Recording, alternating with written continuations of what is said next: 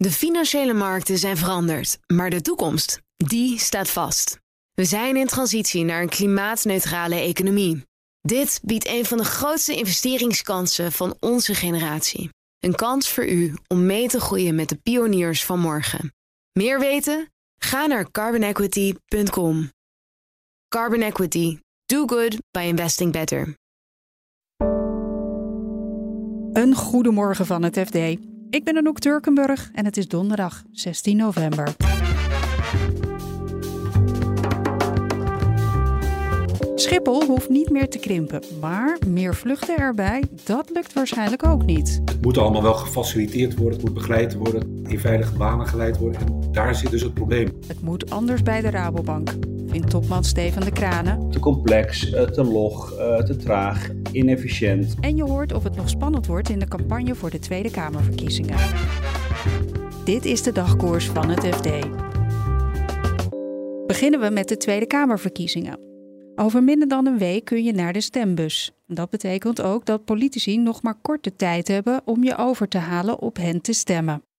Van politiek verslaggever Puxi hoor je hoe de campagne er nu voor staat. Nou, wat vooral opvalt, is dat die gewoon heel vlak is. Als je deskundigen erover spreekt, politicologen, strategen, die zeggen allemaal ja, het is eigenlijk heel goed zoeken naar de inhoud. Je zegt het al, het is allemaal heel beschaafd. Uh, maar goed, we hebben nog minder dan een week. Um, komt er nu dan een beetje verandering in? Nou, je ziet wel dat de lijsttrekkers elkaar nu um, verwijten beginnen te maken. En er werden al wel wat plaagstootjes onderling uitgedeeld. Jezielkes van de VVD die dan tegen Frans Timmermans zegt op uh, Twitter, ex uh, moet ik tegenwoordig zeggen. Van nou Frans, ik stuur je de, wat is je e-mail? Want dan krijg je van mij nog wat rapporten over kernenergie en de voordelen daarvan. Dat had je al wel. Nu zie je iets meer verwijten komen. Maar of daar verandering in komt, ja, dan moet er wel gewoon nog iets gebeuren. Wat zou er nog kunnen gebeuren? Nou, bijvoorbeeld in 2017 is er in het allerlaatste weekend voor de verkiezingen een Turkse minister uitgezet.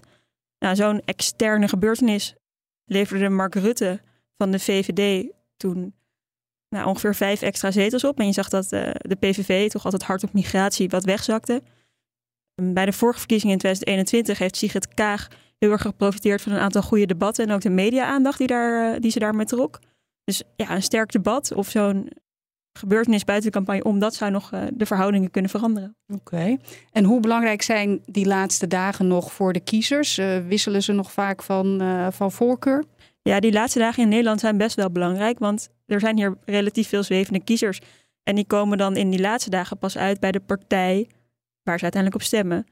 Dus ja, er is niet heel veel nodig om ze een duwtje naar rechts of een duwtje naar links nog te geven.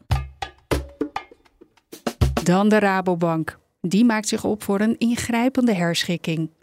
Topman Stefan de Kranen wil zijn personeelsbestand anders inrichten. Bankenredacteur Rutger Bedlem vertelt waar volgens de Kranen het probleem zit. Hij noemt de bank uh, te complex, uh, te log, uh, te traag inefficiënt. Er worden echt best wel wat harde noten gekraakt. En, en, en dan gaan ze ingrijpen. Ja, en betekent dat ook dat er in het personeel gesneden gaat worden?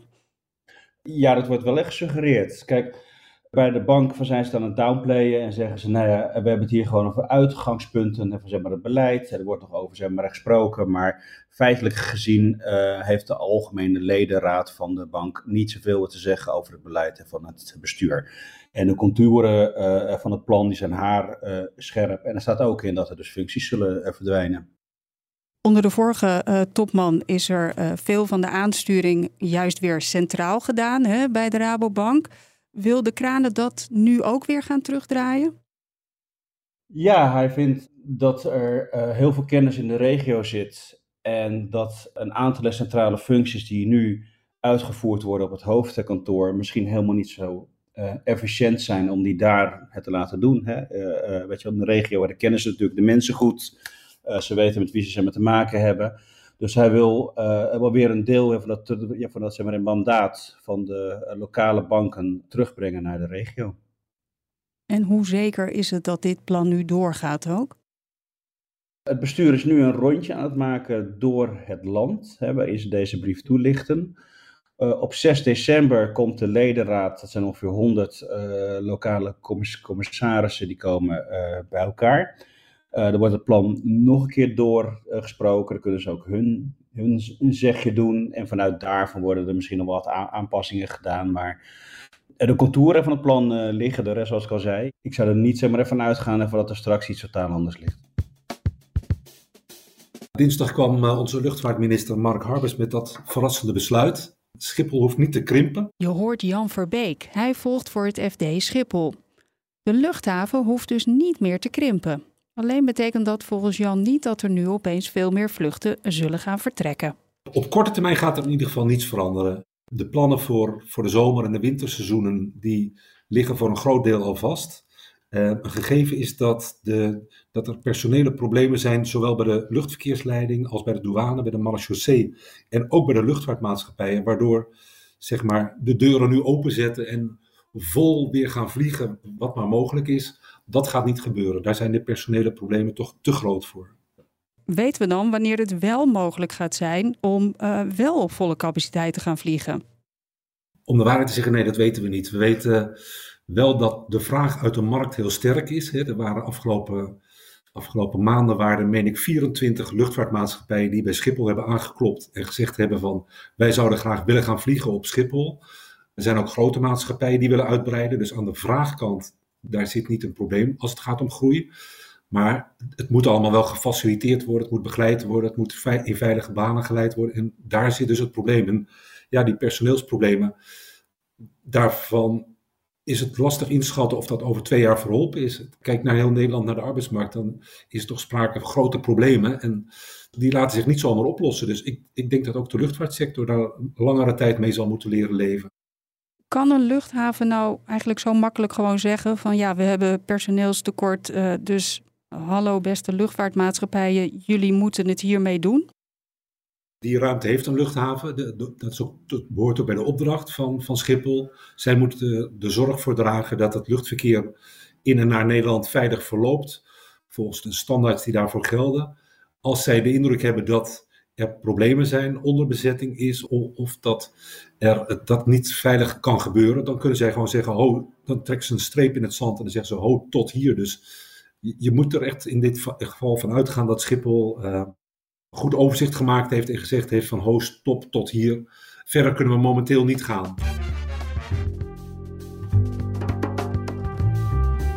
Dit was de dagkoers van het FD. Meer lezen over deze verhalen? Dat kan via de show notes. Daar vind je links waarmee je de artikelen gratis kunt lezen. In onze app vind je al het laatste financieel-economische nieuws en wij staan morgen weer voor je klaar. Voor nu een hele fijne dag en graag tot morgen.